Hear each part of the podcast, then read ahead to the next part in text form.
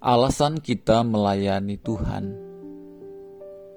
sebab seperti hujan dan salju turun dari langit dan tidak kembali ke situ, melainkan mengairi bumi, membuatnya subur dan menumbuhkan tumbuh-tumbuhan, memberikan benih kepada penabur, dan roti kepada orang yang mau makan. Demikianlah firmanku yang keluar dari mulutku. Ia tidak akan kembali kepadaku dengan sia-sia tetapi ia akan melaksanakan apa yang ku kehendaki dan akan berhasil dalam apa yang kusuruhkan kepadanya. Yesaya 55 ayat 10 sampai 11.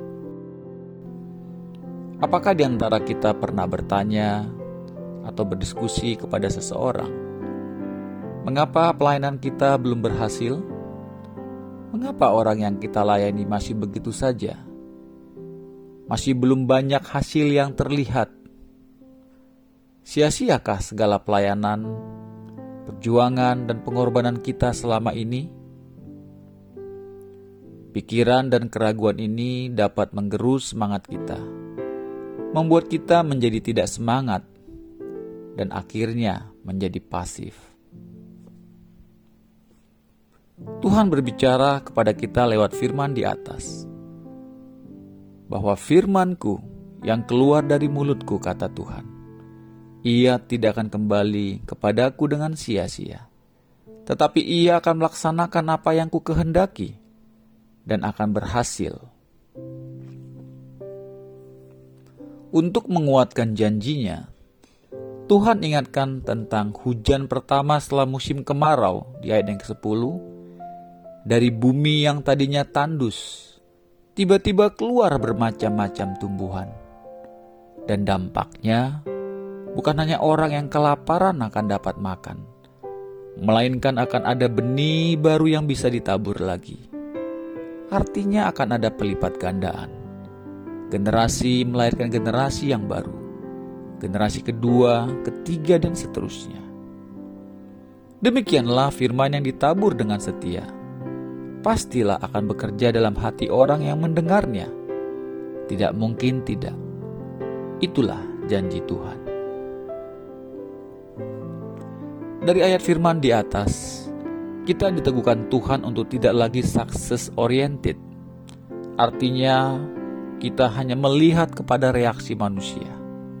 Tetapi kita boleh menjadi promise oriented, yaitu kita terus berpegang kepada janji-janji Bapa. Selama kita berfokus terus kepada sukses dan hasil yang nyata, maka kita akan tergoda untuk meninggalkan apa yang sudah kita lakukan dan menjadi lemah. Tetapi kalau kita saling menguatkan dengan janji-janji Tuhan, maka kita akan tetap setia melakukan dan menantikannya. Dalam 2 Petrus 1 ayat keempat dikatakan, Dengan jalan itu, ia telah menganugerahkan kepada kita janji-janji yang berharga dan yang sangat besar, supaya olehnya kamu boleh mengambil bagian dalam kodrat ilahi. Apa alasan kita melayani Tuhan di keluarga kita? Sekolah atau kampus, kantor, atau di tempat-tempat tertentu? Apakah hanya semata-mata untuk melihat hasil? Kita melayani Tuhan sebagai wujud kasih kita kepada Tuhan. Kita percaya akan janji Tuhan bahwa Tuhan setia dan akan memimpin kita melihat karyanya dalam apa yang kita lakukan dalam pelayanan-pelayanan di atas. Tuhan dimuliakan dalam setiap pelayanan-pelayanan kita. Amin.